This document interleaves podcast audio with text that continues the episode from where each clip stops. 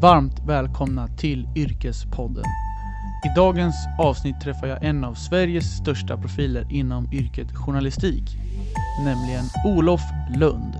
Ni känner igen honom från TV4, där han ständigt syns på TV när Sverige spelar sina landskamper. Eller om man kollar allsvensk fotboll på Simor. Olof åkte till Örebro och träffade mig för ett snack om hans karriär och hans livsresa. Vi pratar bland annat om hur han fick intresse för journalistik och vad har han för utbildning? Hur kom TV4 in i bilden och hur grundades Fotbollskanalen egentligen? Avslutande går vi in på hans nya bok Allsvenskan enligt Lund och vad innehåller den? Sedan ger han grymma tips till dig som eventuellt vill jobba med journalistyrket. Men självklart ska vi börja Yrkespodden lite annorlunda denna gång där vi har Olof som driver en av Sveriges största poddar och för er som har lyssnat på Lunds podd vet att han alltid börjar med en faktaruta. Därför ska han själv få svara på några snabba frågor. Nu kör vi!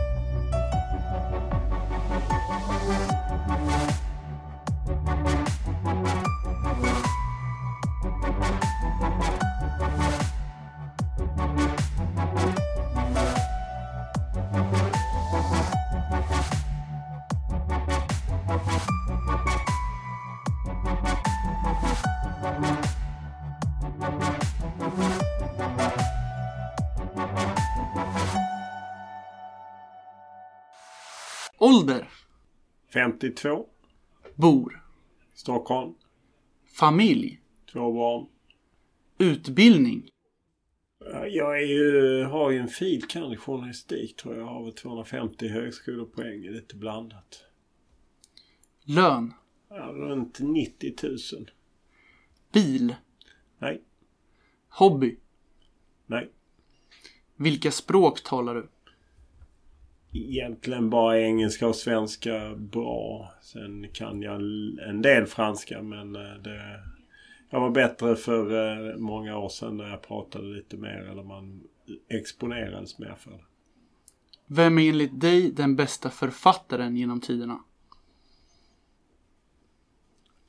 Det är en eh, svår fråga att besvara därför att det är liksom svårt att mäta sådana saker. Eh, men eh, en författare som eh, jag har gillat mycket som ju knappast är världens bästa men som har betytt mycket för mig är Claes Östergren. Vissa av de böckerna han har släppt. Det är det namn jag kommer på nu. Eh, vad är din största merit inom journalistiken? Ja, alltså rent så utmärkelsemeriter är ju att jag blev årets sportjournalist eh, och att jag fick Pelle Wendel-priset som årets nyhetsjournalist. Det var 2015 och 2016. Det är väl de mer formella meriter som finns. Vilket är ditt favoritlag i fotboll och varför? Jag har två favoritlag och Landskrona Boys och Leeds och egentligen kan jag inte förklara varför utan det har bara blivit så. I Landskrona-fallet är det ju mer för att jag fick en dräkt när jag var liten men i Leeds-fallet var det nog bara att jag köpte en halsduk när jag var liten och varför jag köpte den vet jag faktiskt inte. Vilket köp ångrar du?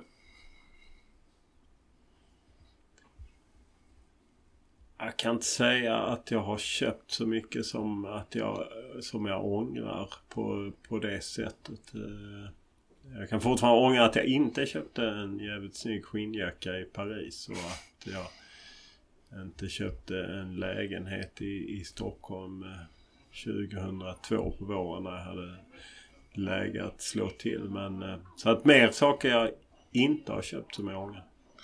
Vad gör dig rädd? Dels är man eh, som förälder alltid rädd att någonting ska hända ens barn och sen så eh, ja, kan jag vara lite rädd för de tider vi lever i nu med ett eh, polariserat klimat och ett, eh, ett polariserat debattklimat och, och, och sen ett klimat som spårat ur utanpå det vilket inte underlättas av att debattklimatet är polariserat. Så att, nej, det ser ju lite mörkt ut. När var du lycklig senast? Eh, ja, men li- lite som mikrolycka kan man ju känna när man eh, håller på ett fotbollslag och det går bra. Eller när jag började se eh, senaste säsongerna senaste säsongen av House of Cards som jag tycker väldigt mycket om. Det är ju den typen av mikrolycka som man får försöka ta hand om. Välkommen till Yrkespodden Olof. Tack! Hur är läget? Rätt så bra tycker jag. Du, eh, vi börjar ju närma oss jul här nu. Eh, vart firar du jul? I Stockholm, eh, även fall de exakta ramarna inte är satta så har jag sedan rätt många år tillbaka firat ja, på något sätt när mina föräldrar gick bort eller framförallt var det min pappa som levde lite längre. Då blev det ju att man åkte till Skåne eftersom han bodde där. Men efter han har gått bort så har jag firat i Stockholm där jag ju bott sedan mitten av 90-talet. Och eh, jag har ju förmånen att få resa mycket i mitt jobb så att eh, därför brukar jag tycka att det är rätt skönt att inte göra så mycket på julen. Framförallt inte resa. Jag förstår. Du, eh, vi sitter ju faktiskt i Örebro. Eh, vad har du för kopplingar hit? Egentligen inga mer än eh, Örebro SK. Att man har varit på Eiravallen hette det väl förr i tiden och numera Bern Arena. Eh, så att egentligen ingen, eh, jag har ingen annan koppling än så utan jag har bara varit här i, i jobbsammanhang. Du, eh, vi ska ju faktiskt gå igenom lite din eh, livsresa här. Men vi tänkte vi skulle börja lite med att du får berätta vart är du uppväxt och vart gick du gymnasiet? Jag är uppvuxen i Lund och där gick jag också gymnasiet på en skola som heter Katedralskolan. Och eh, ett av åren på gymnasiet tillbringade jag dock i USA som utbytesstudent hette det ju konstigt då eftersom det var inte alltid så att någon kom i utbyte mot mig, åtminstone inte till min familj. Eh, och det var i Elmira, New York. Eh, fem timmar nordväst om New York. Det är som de flesta förknippar med New York. Men det är också en stor delstat och det var långt upp i den delstaten. Eh, så att, eh, ja men i Lund är väl egentligen det som där jag är ifrån. Vad hette linjen där du gick på gymnasiet? Var det SAM eller var det något? Jag började läsa natur eh, ett år och sen bytte jag till en... Eh, det brukade alltid vara många som läste natur som hoppade av och då bildade de alltid en humanistisk och samhällsklass. Eh, eh, och då gick jag den ett år och sen gick jag en ren S-klass sista året. Jag kan dock eh, inte rekommendera att gå i tre olika klasser på tre år om man vill ha höga betyg. Men eh, efter studenten då, när du skulle ut och jobba och skaffa dig ett yrke, var, var, var börjar du jobba? Kommer man från Lund så börjar man inte jobba utan då börjar man läsa lite generellt eller liksom slentrianmässigt sagt. Men jag, jag, tror att det finns en stor öppenhet för att, eh, att man ska läsa och läsa vidare. Sen var det jag är ju så pass gammal så att om man var kille och eh, 19-20 år och hade tagit studenten så skulle man ju göra militärtjänst. Så var faktiskt det som var det första jag gjorde. Jag tror att man tog student, eller man gick ut på fredagen och sen ryckte man in på måndagen. Egentligen helt hopplöst upplägg och eh, så jag var på Vendes artilleriregemente utanför Kristianstad i norra Åsum, A3. Det finns inte längre. Eh, och eh, det var bland... Eh, jag passar inte in i det militära kan man konstatera. Jag skulle varit där i 15 månader men jag lämnade efter 7 månader och då ansågs jag ha gjort min grundutbildning. Eh, så att... Eh, men... Eh, så att det var väl liksom... Och sen var jag rätt planlös. Sen reste jag lite. Jag seglade till Västindien och eh, lite olika andra grejer eh, innan jag... Kan inte säga att jag hade några yrkesplaner i den åldern. Men när du kom tillbaks från just militär, jag antar att det var obligatoriskt när du gick? Ja, nej men det var, det var obligatoriskt. Men som mm. sagt hoppade jag ju av i, i februari. Jag började i juni och februari. Jag skulle egentligen kört 15 månader men eh, då började jag läsa lite. Ja, men i, I Lund så tror jag att det är väldigt vanligt att man eh, skriver in sig på universitetet. Och detta är då i slutet på 80-talet. Det var inte så svårt att komma in. Och jag skrev in mig på en kurs som heter ekonomisk historia efter terminen till och med hade börjat och läste ekonomisk historia. Även om jag inte läste så jättemycket första terminen. Och sen det fanns liksom ingen, det var inte så att jag hade en plan att nu ska jag bli ekonomisk historiker. Utan eh, jag hade inte så mycket plan utan det var ett sätt att försörja sig att man skaffade sig studielån. Eh. Men eh, jag antar att det var Lunds universitet du skrev in dig på? Absolut. Mm. Men, och då började du läsa en kurs eller var det något program? Nej, det var en kurs. Det var en kurs. enstaka kurs eh, i ekonomisk historia. 1 till 20 poäng. Då räknade man. En termin var 20 poäng på den tiden. Så att då läste jag det och sen så hoppade jag av det. Eller liksom hoppade av. Jag eh, tog ett break sen och eh, var med och transportseglade några segelbåtar från Frankrike via Portugal och Kanarieöarna och över Atlanten till Västindien. Och sen reste jag runt i USA. Körde faktiskt bil från Florida till Kalifornien och sen Kalifornien till New York. Och sen var jag kvar i USA lite och så kom jag tillbaka ett år senare. Så att, eh, och då började jag läsa lite andra enstaka kurser. Statskunskap och historia och, ekonom eh, och engelska. Och så. Och, och, när, jag tänker så här, när kom liksom det här journalistintresset? När började det? Ja, när jag var 10, 8-10 år gammal. Vad hände då då? Nej, det var mer bara att jag var intresserad av att läsa tidningar. Eh, och det kom ju hemifrån. Jag hade en pappa som var extremt intresserad av, av nyheter och vi hade alltid minst två morgontidningar hemma och jag läste ex, egna tidningar. Eh, jag läste mycket på biblioteket. Tidningar där. Jag köpte ofta kvällstidningarna själv. Eller åtminstone en Expressen. Eh, och, så att det intresset fanns men att liksom det fanns inte jag kan inte koppla ihop med att jag skulle jobba som journalist. Det fanns liksom inte i, i, i min värld. Det hände ju långt, långt senare. Så du, eh, så du har inte pluggat någon journalistik på universitetsnivå? Eller? Jo. Jo, det har du. Ja, jo, det, det sa jag ju innan i fakta utan att jag har en ja, just det. fikand journalistik. Jo, men eh, när jag... Sen jobbade jag i restaurangbranschen och pluggade lite i Lund. Men mest i restaurangbranschen. Och sen då valde jag mellan, ska jag börja på Handels eller ska jag börja och läsa journalistik under några år och ömsom sökte in på dem. Eh, och eh, till slut när jag var 28 år eh, så bestämde jag mig för att börja på journalistlinjen i Stockholm. Det som numera heter JMK. Och så att då gick jag där två och ett halvt år och kunde tillgodoräkna mig ett år eftersom jag hade läst så mycket innan. Men två och ett halvt år. Så att eh, då gick jag. Men då var jag ju 28. Jag var ju 30 när jag var klar så att säga. Och när du var klar då? Vart eh, började du jobba då? Ja, det viktigaste var ju praktiken. Den gjorde jag ju innan jag blev klar. Eh, det var vårterminen 96. Då var jag på Expressen. Och sen fortsatte jag på Expressen på sommaren och sen så gick jag dock tillbaka till, till journalistlinjen. Det var rätt få som gjorde det för man hade halvår, halvårspraktik. Många fick fast, eller många fick jobb där och hängde sig kvar. De tyckte inte det var viktigt. Och det kan jag förstå. Men för mig var det viktigt. Jag ville avsluta någonting. Så jag gick tillbaka och sen så våren 97 då så var jag helt klar. Och då jobbade jag på Expressen några månader innan 11 månader så fanns ju en sån LAS-regel som gjorde att om man, man fick jobba 11 månader och sen så eh, Annars skulle man liksom, var man tvungen att bli anställd eller så att efter de 11 månaderna så gick jag till Göteborgs-Posten och eh, sen jobbade jag, där blev jag fast anställd något år senare.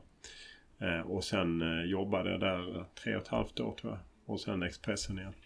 Men var det alltid sport som var intresset för journalistiken eller var det alla möjliga ämnen? Alltså vad fick du göra på Göteborgs-Posten? Nej, alltså på Expressen när jag var praktikant var jag mest på nöjet, lite på sporten. Eh, rätt lite på nyhetssidan. Jag tror bara jag jobbade något pass på nyhetssidan. Eh, och sen var jag vikarie på nöjet och extra, gjorde lite extra till sporten. Alltså sport var ju det som jag var intresserad av men jag kan inte liksom säga att jag hade satt upp några mål att jag ska göra det. Jag, jag har alltid tyckt att det det finns något skrämmande i att sätta upp några sådana mål om man då skulle misslyckas på något sätt. Så att jag har alltid jobbat rätt korta cykler på det sättet att jag inte tänkt så långt. Eh, och det är också kanske tror jag svårt att inse att för lite drygt 20 år sedan så fanns liksom inte det var rätt få renodlade fotbollsreportrar eller som det är idag. Utan då gjorde man lite allt möjligt. Så att när jag började på Expressen Sport när jag var vikarie där gjorde jag eh, rätt mycket. Jag gjorde inte särskilt mycket fotboll men mycket annat. Eh, man fick göra det mesta och samma i början på Göteborgs-Posten. Sen blev det ju mer och mer fotboll. Och jag kanske hade en fördel av att jag var väldigt intresserad av fotboll. Så att jag hade någon slags... Det var en trygghet i att jag kunde mycket om fotboll. Inte hur man spelar men liksom lag och, och, och sådana saker. Hur kom, hur kom intresset för fotboll då? För, för, har du spelat fotboll mycket när du var yngre? Eller hur kommer liksom intresset framför just fotbollen?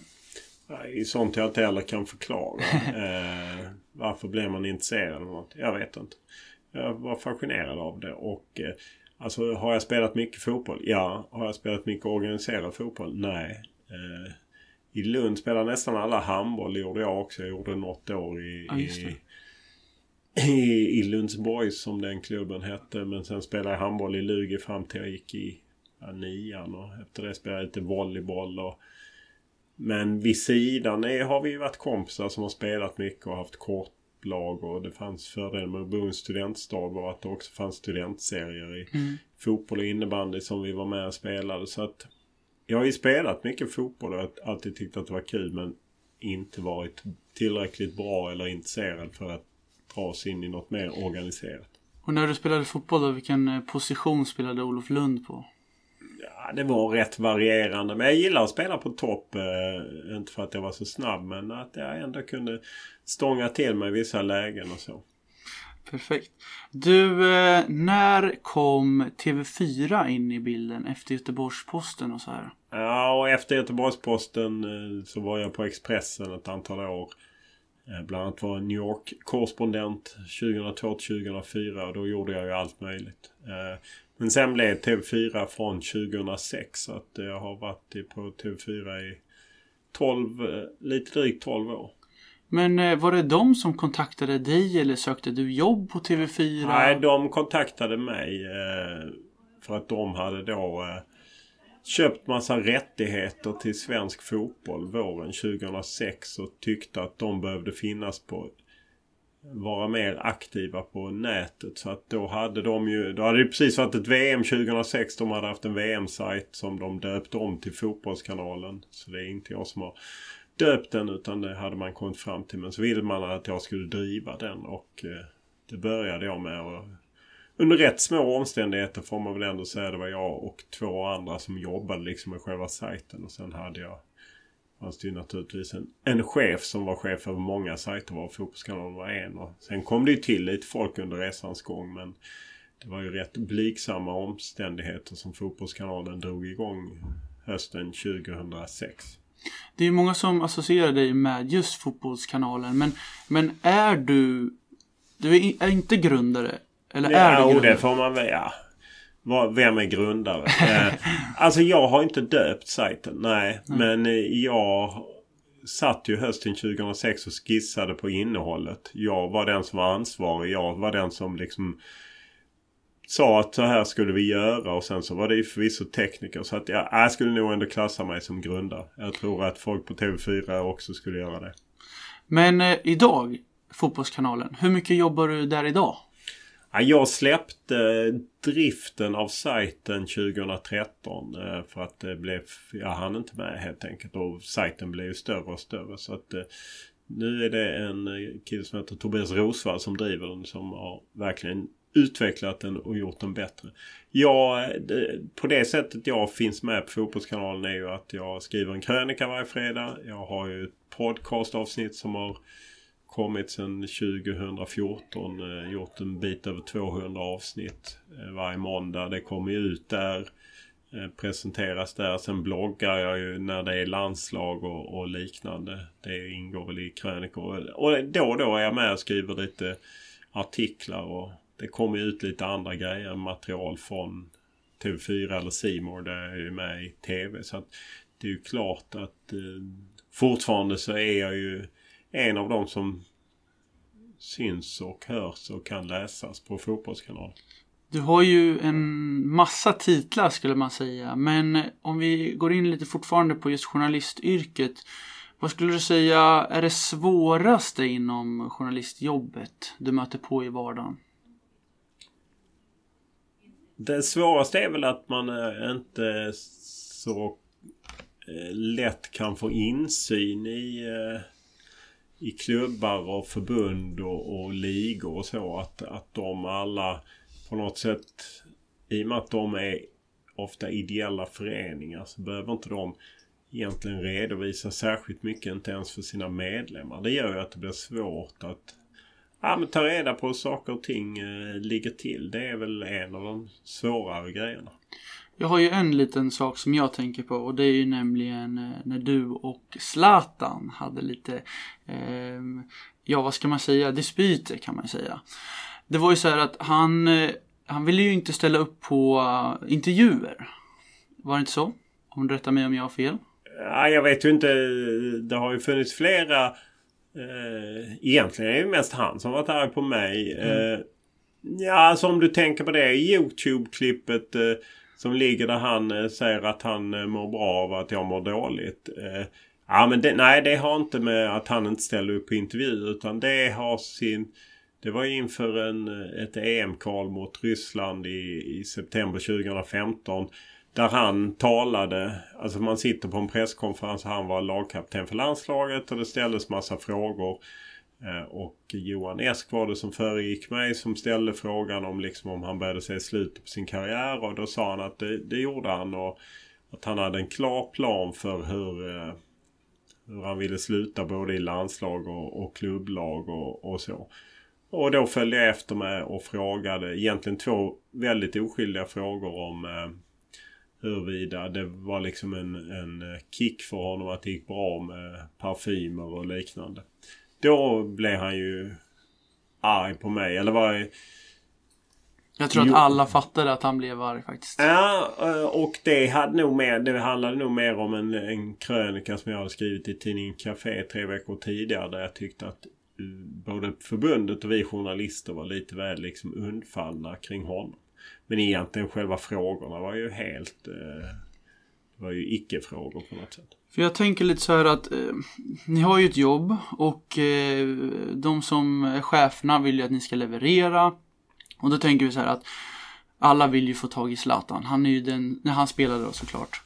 Och då tänker jag så här att försvårade det ert jobb, alltså just i ditt läge när han valde att inte prata med dig och inte eh, vilja göra intervjuer med TV4, var det inte det ett tag? Nej, det, det stämmer inte. Nej. Utan eh, han, han, den tidning, eller det, det media han har bojkottat under en lång tid var ju Aftonbladet. Just det, så inte, var det. det var inte jag alls inblandad i. Det var ju en annan reporter som gjorde en, eh, en, kontakt, en falsk kontaktannons. Eh. Om vi tänker på deras perspektiv då? Det är klart att för, ur deras perspektiv var det ju nog katastrof eftersom eh, Expressen kunde ju prata med Zlatan men det kunde inte Aftonbladet. Och, ah, det, var, det var nog försvårande för dem. I mitt perspektiv tror jag inte jag lider inte så av det. Däremot kan man säga att kanske min arbetsgivare tyckte att det var tråkigt om han blev sur på TV4 om han inte kom till någon intervju. Eh, för det har ju hänt liksom. Men, mm. eh, men det har ju aldrig varit direkt kopplat till mig vad jag vet. Eh, så att eh, det är lite olika saker. Eh, eh, de, men jag, han har aldrig liksom... Eh, det är inte så att jag blir inbjuden när han inviger en paddelhall eller när han släpper sin nya bok. Då blev inte jag inbjuden och det är ju säkert... Om mitt namn skulle komma upp så skulle säkert eh, Zlatan och hans eh, eh, rådgivare säga att nej men honom tycker vi inte att han ska komma. Eh, men jag har liksom inte... Det är inte så att jag har jagat Zlatan för någon intervju. Jag har frågat hans rådgivare en gång 2014 om att göra en podcastintervju och eh, fick beskedet att det kommer aldrig att hända. Så att eh, sen är det inte så att jag har legat på vecka ut och vecka in för det tror kanske folk men det har jag inte gjort. Jag köper läget. Du, eh, jag såg ju dig på fotbollsgalan för någon, det var någon vecka sedan. Ja, två veckor sedan. Mm. Eh, då var ju Zlatan där till exempel. Men eh, är det någon, hur är stämningen nu? Eller som du säger, du, du jagar inte honom. Det, är, är stämningen OK eller? Ja, man träffar inte honom. För att på den fotbollsgalan så satt ju han bara i sin loge. Eh, han var inte med på själva galan utan han satt i en loge bakom scenen. Och kom bara ut då när han skulle Dels när han fick sitt eget pris som årets forward och sen när han delade ut sitt eget nyinstiftade pris med ett bilföretag. Eh, I övrigt var han... Så det, jag träffade aldrig på honom. Men du, om vi går tillbaks lite till yrket igen.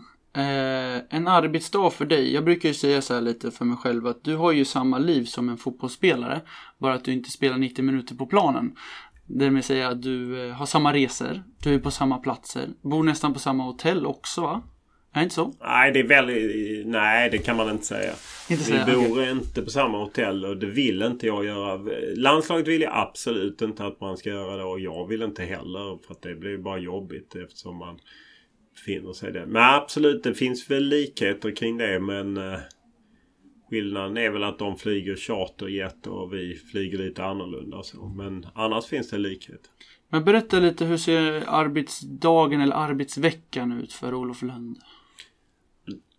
Det är ju kanske det svåra att eh, eh det liksom inte finns en genomsnittlig... Som denna tiden på året som precis börjar nu är ju lite lugnare. Eh, slutet av november, december. Sen så drar det igång i, i januari ofta med ett, eh, ett läger där landslaget åker till något varmare plats. Ja, och sen, sen är det lite lugnare och sen så i slutet på mars så är det alltid landskamper. Eh, två landskamper på en vecka och då jobbar man ju liksom varje dag med, med det. Och just nu är ju vi i en period där vi har de matcherna så att då blir det ju väldigt mycket Både att man jobbar åt fotboll, eller att jag jobbar åt Fotbollskanalen och eh, i TV och att jag bevakar träningar och presskonferenser och så. Sen eh, börjar ju Allsvenskan och då brukar det ofta vara så att på söndagar, åtminstone har det varit så de här två senaste säsongerna, att på söndagar har jag ofta suttit i studion med någon eh, denna säsongen har varit Alexander Axén. Så har Lasse Granqvist varit programledare och då är det två matcher och då kommer man in 12.30 eller om det är 12. Nej 12.30 och så har man ett möte och sen byter man om och sminkas och eh, sen eh, börjar man repetera vid 14 och sen 14.30 drar sändningen igång och så är det en match 15 och så följer man den matchen och sen är det lite mellan matcherna där man är både tittar bak till matchen har spelats och tittar fram till eh, matchen som kommer och sen kör man en match till som börjar 17.30 och så sticker man hem vid 20.30 och ofta ska jag då spika och göra lite grejer kring min podd. Mm. Att, eh, och sen måndagar är jag ute på fältet med Allsvenskan. Alltså jag kan inte uh. säga, det finns liksom ingen... Men det är kanske det som är skärmen i arbetet? Absolut, det är det verkligen. Det är ett stort plus att den ena dagen är egentligen inte den andra lik. Däremot följer säsongerna sig lite grann. Precis. Men du, om vi kommer in så här att eh, det kan bli jobbiga situationer i jobbet. Eh, du pratar mycket om att ni jobbar extremt mycket och det känns som att du är, jobbar väldigt mycket. Eh, hur, hur, tacklar du liksom det? Att, när blir det fritid och när blir det jobb? Ja, men det, det svåra är väl att eh, som nu är det inte extremt mycket eh, utan snarare tvärtom. Men att det är lite ojämnt. Eh, Eh, och att det då kan bli hög belastning i ja, men som slutet på oktober och när man kommer in i november när det är ett par landskamper och allsvenskan ska avgöras och det är nästan jobb varje dag. Ja, hur fan tacklar man det? Jag vet inte. Man eh, försöker göra efter bästa förmåga eh, att eh, men eh, det är väl fördelen man har med det jobbet att man tycker att det är väldigt roligt. Därför går det ju att jobba mycket helt enkelt. Men eh, om vi är fortfarande lite inne på det här jobbiga situationer i jobbet. Eh, blir du fortfarande nervös när du gör intervjuer? Ja, men det, det beror helt på vem och vad och hur och så. Eh, men viss anspänning kan man ju absolut känna inför en stor match eller om man ska göra någonting nytt eller eh, så. Det kan jag absolut känna. Och det tror jag är bra. För att eh, den dagen man inte känner någon form av anspänning så är jag inte säker på att man gör ett så bra jobb man kan. Eh, att man liksom, om man tycker att ah, men det här är under kontroll du var lite nervös kanske på fotbollsskalan när du skulle... Nej, det var jag inte. Jag, jag, jag, det var det du menade. Nej, det var jag inte. Nej, vad som hände där, det vet inte jag. Jag har delat ut det priset många gånger. Jag har memorerat de raderna många gånger. Eh, nej, jag kan inte förklara vad som hände. Tro mig, jag hade varit nervös. Nej, jo, men det, om jag hade gjort det första gången så hade man kunnat säga att det, jag delade ut det priset första gången 2007. Eller 2008. Då var jag nervös. Och, och, när jag gick upp på scen med Carl Philip i Malmö 2009 och, och körde hela grejen till Lennart Johansson. Ja, då var jag nervös. Men det var inte nervositet som gjorde att, eh, att jag fick någon slags blackout som hände kring det på fotbollsskalan. Det var det inte liksom. Det var något annat. Ja. Jag tror vi släpper det nu faktiskt. Men du, eh, du är ju aktuell med din eh, nya bok. Eh, och du är ju författare också. Kan inte du berätta lite eh, vad din bok handlar om? Allsvenskan enligt Lund. Den är i korta drag eh, baksidan av allsvenskan. Det vill säga det vi kanske inte alltid pratar om. Eh, allt från svarta affärer till maktkamper och hur klubbar styrs och, och liknande. Så att eh, det är väl ett antal liksom områden där jag tittar på eh, och försöker liksom belysa det vi inte alltid pratar om helt enkelt. Och det, att det sker konstiga saker även i svensk fotboll då är ju lite en fortsättning får man väl ändå säga med den första boken som jag skrev 2016. Vad jag pratade om när jag pratade om fotboll som även handlar lite om om förbundet och landslaget så är denna mer bara inriktad på, på allsvenskan. Var hittar du alla källor till det här? Och det, behövs, det behövs ju väldigt mycket för att, för att stärka trovärdigheten. Var hittar ja, du allt det? Nej, dels har jag jobbat med svensk fotboll av och till i, i 20 år. Mest till. Jag hade en paus när jag var i USA ett par år. Men annars har jag jobbat liksom i över 20 år. Då är det klart att man har lärt känna folk eh, på en väldig massa platser i, i, inom svensk fotboll och eh, kanske också eh, byggt upp någon slags trovärdighet i att, eh, att det ändå finns folk som eh, tycker att eh, det jag säger eller skriver så att det, det har en, ja, men att det är korrekt skildrat och, och, och liknande och som då kan känna att de är trygga i att berätta olika saker för mig. Man kan säga att det är du som är källan. Nej, det kan man inte. För Nej. att jag hade ju inte... Om jag inte hade fått till exempel Afonso Alves kontrakt eh, av en person.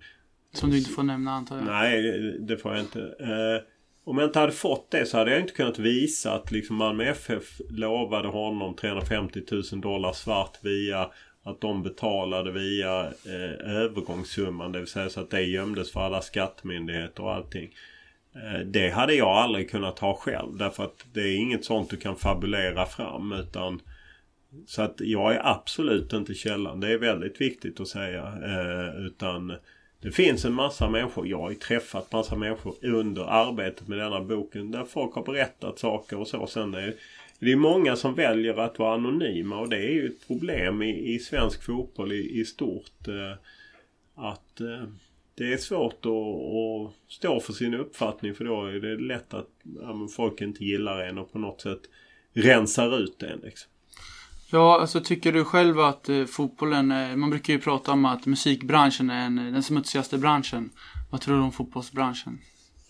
Jag kan inte, jag kan inte musikbranschen så att eh, jag skulle fel. Men däremot att det är en smutsig bransch är ju ingen tvekan om.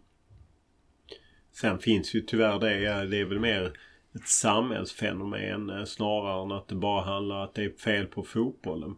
Problemet är väl snarare att fotbollens de som styr i fotbollen är liksom inte intresserade av att ta tag i de här problemen. Eh, man vill liksom inte och, och det ju, gäller ju från Fifa och Uefa och neråt och gäller ju även det svenska fotbollförbundet och svenska klubbar. Man vill inte berätta helt enkelt eh, antagligen för att man eh, har eh, mer att förlora på att berätta än någonting annat. Men eh, och ingen de flesta som följer kanske då om vi tar Örebro SK och de vill ju ha ett vinnande lag och struntar nog rätt mycket i eh, hur klubben sköts. Så länge det inte blir liksom konkurs eller sådana saker. Då blir det väl ett liv. Men jag tror att de flesta supportrar de kommer liksom inte gå upp på Örebro SKs årsmöte och, och kräva insyn i både det ena och det andra. Utan man, man hoppas på det bästa och, och så kör man vidare på något sätt. Och det gör ju att en väldig massa människor kan, som styr kommer undan med saker.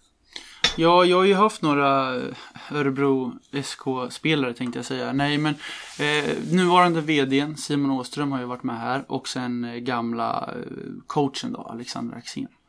Eh, och jag kommer ihåg att Simon Åström pratar mycket om att fotbollen är ju självförsörjande. Det är ju inte någonting som någon som, eh, eh, någon som skickar in alltså, pengar från skatt eller något, något sånt. Utan allting liksom byggs, byggs på grund av att det finns eh, publik. Det finns folk som vill betala tv-kanaler. Och det är därför det blir så ofantligt mycket pengar i det här. Eh, och, och, och, lite som du var inne på. Eh, att om det här blir korruption och allt. Det, det, det, det, är svårt att, att säga vad, vad, vad, som kan hända i fotbollen när det rör sig om så mycket pengar. Eller håller du med? Ja, delvis finns det ju poäng i det. Sen kanske det inte finns så enorma pengar i Sverige som det finns utomlands. Eh, och i Sverige haltar också det lite därför att eh, nu kan jag inte vara reservation med Bern Arena men jag misstänker ändå att Örebro kommun på ett eller annat sätt är inblandad i Bern Arena. Ja, så att eh, Örebro absolut. SK hade liksom inte... Det är ju inte så att Örebro SK uppstår tomma intet och att det inte finns liksom offentliga medel som på ett eller annat sätt går till klubbarna. Eh, men eh, det är klart att att det har blivit den industrin som det har blivit gör att folk, åtminstone utomlands vill man gärna sko sig ekonomiskt och att man på något sätt vill ha. I Sverige då är det mer det handlar om prestige och status och att man liksom Ja men sitter man i Örebro SKs styrelse så på något sätt är man någon och man Jag tror att det driver många att sätta sig i styrelser i, i, i åtminstone elitklubbar. Det är en stor skillnad på elitklubbar och, och sätta sig i styrelsen i en klubb långt ner i divisionerna där det nog är mer jobb så att säga. Eh, och det är ju inte alltid man känner att de tar de bästa besluten utan att de är skickligare på sina vanliga arbeten än de är som styrelseledamöter i olika elitklubbar. Du, om vi hoppar tillbaks lite till just eh, böcker och sådär. Du är ju författare. Eh, vart hittar du inspiration? Ja men i grunden så handlar det om att jag... Du sa att jag hade många titlar och egentligen tycker jag mm. bara att jag har en titel. Det är ju på något sätt journalist eller... Eh, och sen att jag liksom eh, publicerar mig i podcastformat eller att jag är med i TV eller att jag skriver en bok eller att jag skriver krönikor i, på Fotbollskanalen eller jag skriver ju även krönikor i Dagens Industri varannan fredag om idrott och affärer. Så att jag ser nog egentligen att jag bara har en titel och att det sen tar olika former. Men min, min journalistiska inriktning och inställning är densamma om det är oavsett om det är en krönika i Dagens Industri eller om det är en bok och så. så att det handlade nog mer bara om att tänka sig att skriva i, i typ av annat format. Och eh, nu är ju inte min bok en, en, roman över 15 kapitel där allting ska vara, ha röda trådar. Utan man kan väl egentligen säga att, att de olika kapitlen är lite egna satelliter på något sätt. Att de eh, kan stå för sig själv.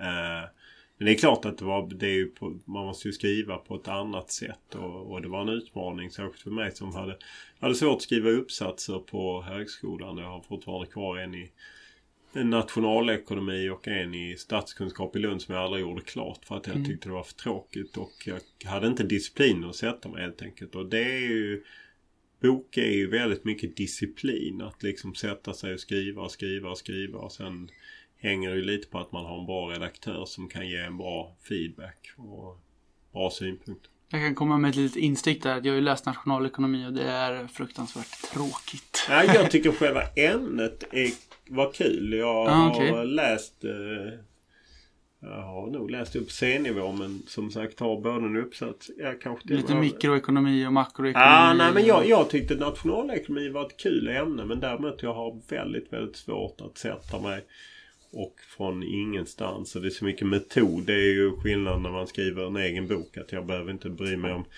några vetenskapliga liksom att ett notsystem och, och vilken metodik jag använt och liknande. Just det. Du, eh, om vi går in lite på eh, hur du jobbar idag. Jag vet ju att du jobbar ju väldigt mycket med sociala medier. Du är ju väldigt aktiv på både Instagram och det är Twitter och Facebook va? Är det de tre huvud... Eller? Facebook har jag inte varit med på många år. Nej. Jag ogillar Facebook väldigt mycket och har gjort länge. Och det började ju egentligen bli någon backlash mot Facebook. Nu vet jag att Facebook äger Instagram också så jag är ju på något sätt ändå... Ja. Nej, jag är aktiv på eh, Twitter och Instagram. Facebook var många, många år sedan jag la Och var aldrig så aktiv på Facebook heller. Men hur kommer det sig att du blev så aktiv då? Är det på grund av följarna eller? Nej, Twitter, Twitter eh, jag håller med dem som tycker att Twitter inte är, är lika bra som det var. Eh, men jag tycker fortfarande Twitter är ett väldigt bra sätt att inhämta information. Att att eh, journalister jag följer eller liknande. Att, nej, men att man får ett bra informationsflöde. Sen är det svårt kanske att föra en diskussion där som man kunde göra för några år sedan. Eller i varje fall svårare. Eh, Instagram. Eh, jag höll liksom emot länge där. Eh, men sen blev det att jag började efter några år. Jag hade haft ett Instagram-konto ett tag men sen började ett, eh,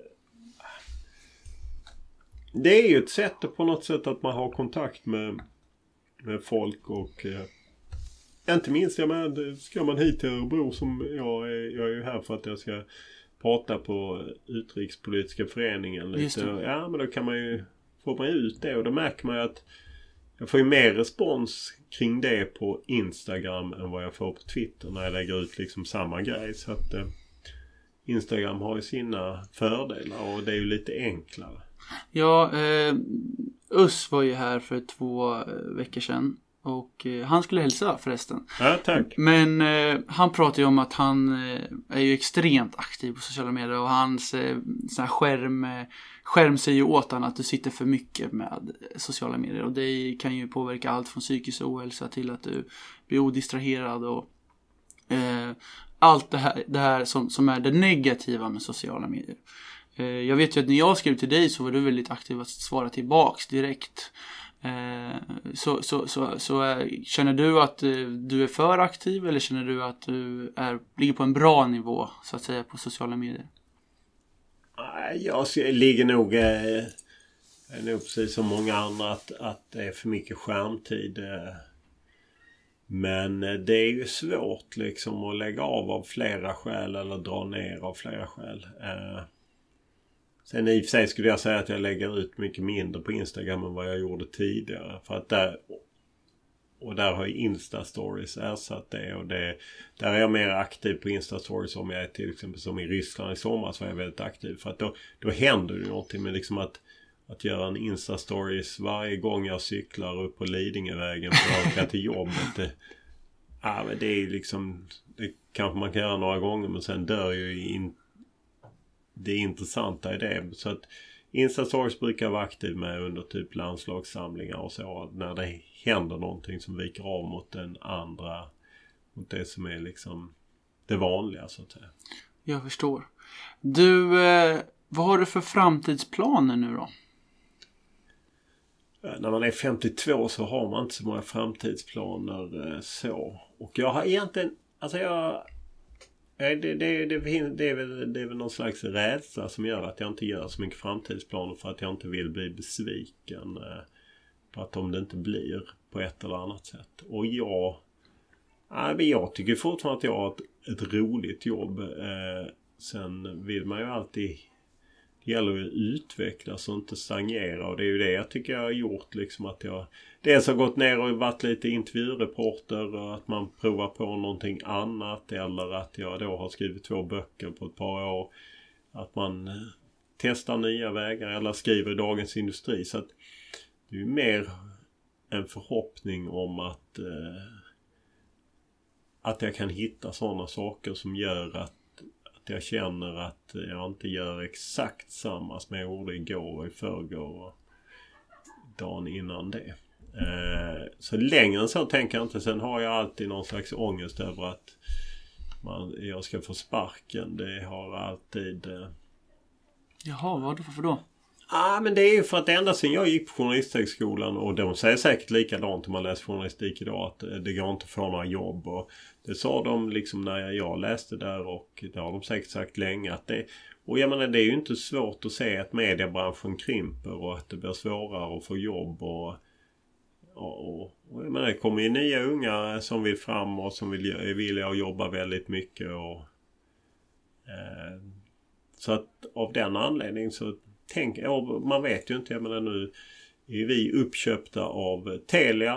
Eh, även om affären inte har gått igenom formellt så är det ju ändå så att det och eh, oavsett vad som händer så kommer det bli en förändring. Om affären går igenom så blir det en förändring och går inte affären igenom så har ju våra ägare Bonniers var tydliga med att de inte vill äga oss. Så att eh, då blir det ju också en jobbig situation. Och om ett år så tappar vi allsvenskan till eh, Discovery, Eurosport, Kanal 5 som har köpt den. Eh, så att, ja, nej men det händer hela tiden saker så att jag tror att eh, i den här branschen ska man inte tänka längre än några månader i stöt. Har eh, till exempel några andra tv-kanaler, kanske Viasat eller någon, dragit i Olof Lund? Vi vill nej, ha dig. Ja, alltså jag har ju pratat med andra aktörer på den här, eh, i den här branschen eh, ett antal gånger men aldrig liksom jag tycker fortfarande att jag har ett... Jag kan inte se mig själv på... Så som det ser ut nu på TV4 så kan jag inte se mig själv på ett bättre ställe som jobbar mycket med svensk fotboll som jag tycker är det roligaste. Och där man ju också kan faktiskt... Jag menar jag kan ringa till en allsvensk ledare eller en spelare. Eh, men ja. Ingenting är för evigt. Det är mm. det enda man har lärt sig också. Du, eh, vi ska faktiskt knyta ihop den här ja. säcken nu. Eh, och jag gör så här med alla mina gäster. Och det är så här att då ska du nu få ge tre avslutande tips. Och det här är till en person som vill bli journalist. Så då ska du tänka, det behöver inte just vara sportjournalist eller det behöver vara nöjesjournalist, men generellt journalistyrket. Eh, och ett tips då vad man ska tänka på. Eh, det kan vara exempelvis vad man ska tänka på inför utbildningen eller vad som händer på jobbet. Och du som har så mycket erfarenhet av det här. Är du med? Ja, men jag ska lämna tre tips. Ja, så vi börjar med tips nummer ett. Om du ska läsa någon form av mediautbildning så kan det vara viktigt att ta reda på vad den eh, utbildningsinstitutionen har för relationer med arbetsplatser. För att det viktigaste som kommer vara för dig av min erfarenhet är praktikplatsen. Och eh, det hänger ibland på skolan eller eh, universitetet eller så att ha bra kontakter så att man får en praktikplats. För att det är för mig var det helt avgörande när jag gjorde min praktik på Expressen och eh, att vara utan praktik eller hamna lite snett på en praktik. Eh, det kan vara svårt för att det kan kanske vara enda sättet att få de här viktiga arbetsproverna. Tips nummer två. Det är att inte misströsta utan att eh, på något sätt ta de uppdrag du får och angripa dem på bästa sätt. Och inte ah, det är ju så i början eh, så får man inte de roligaste grejerna. Eh, men eh, det finns på något sätt bara att tackla dem oavsett vad man vill eller ej. Jag vet fortfarande, mitt första uppdrag var när Pernilla Wahlgren skulle spela Pippi Långstrump och letade efter en stark Adolf och eh, det skulle tas bilder när det såg ut som hon lyfte, vad hette hästen, Pippis häst, Lilla Gubben kanske? Ja, något sånt. Ja, precis. Så att, nej det kände man ju inte att det var det som var eh, vägen till Stora Journalistpris just då. Men eh, det gäller Allt att göra, ja men det gäller att göra den typen av insatser. Superbra. Och du, ett sista avslutande tips då? Vad skulle du säga då? När du börjar på en arbetsplats så måste du göra upp med dig själv. Ska jag tänka mig att jobba extra som jag inte får betalt för eller inte? Det är sånt här facket säkert inte gillar. Men jag tror att oavsett om du är en läkare som slipar på din disputation så kommer du inte få betalt för varenda timme. Samma om du är en advokat eller jobbar på ett advokatkontor och du ska jobba extra eller på en revisionsfirma eller en stor managementkonsultfirma. Då är det, handlar det om att investera tid som du förhoppningsvis ska få betalt för långt fram. Jag resonerade så när jag jobbade mycket på Expressen. Jag jobbade mycket utan att få betalt för att jag insåg att jag var 30 år, jag började mycket senare än de andra. Jag behövde raskt marschera framåt. Eh, det var liksom ett medvetet val för mig att jag Även om man kan säga att Expressen utnyttjade mig och jag jobbade gratis så kan man säga att jag utnyttjade Expressen och såg till att jag fick mer arbetsprover. Jag visade mig eh, fick mer erfarenhet och på många sätt är det ju det hårda arbetet som sen gör att man kanske får möjligheter att göra helt andra grejer. Så att eh, jag har full respekt för att man inte vill göra det. Att man bara vill jobba 9-17 eller vad ett skift säger. Men eh, jag tror att man ska resonera med sig själv kring det och man ska vara medveten kring det. Tre superbra tips av Olof Lund. Eh, tusen tack för att du var med på Yrkespodden. Tack själv. Tack för att du lyssnar på Yrkespodden. Jag skulle bli superglad om du delade avsnittet eller betygsatte podden i podcastappen. Prenumerera gärna på Yrkespodden för att få notiser på alla avsnitt. Tack!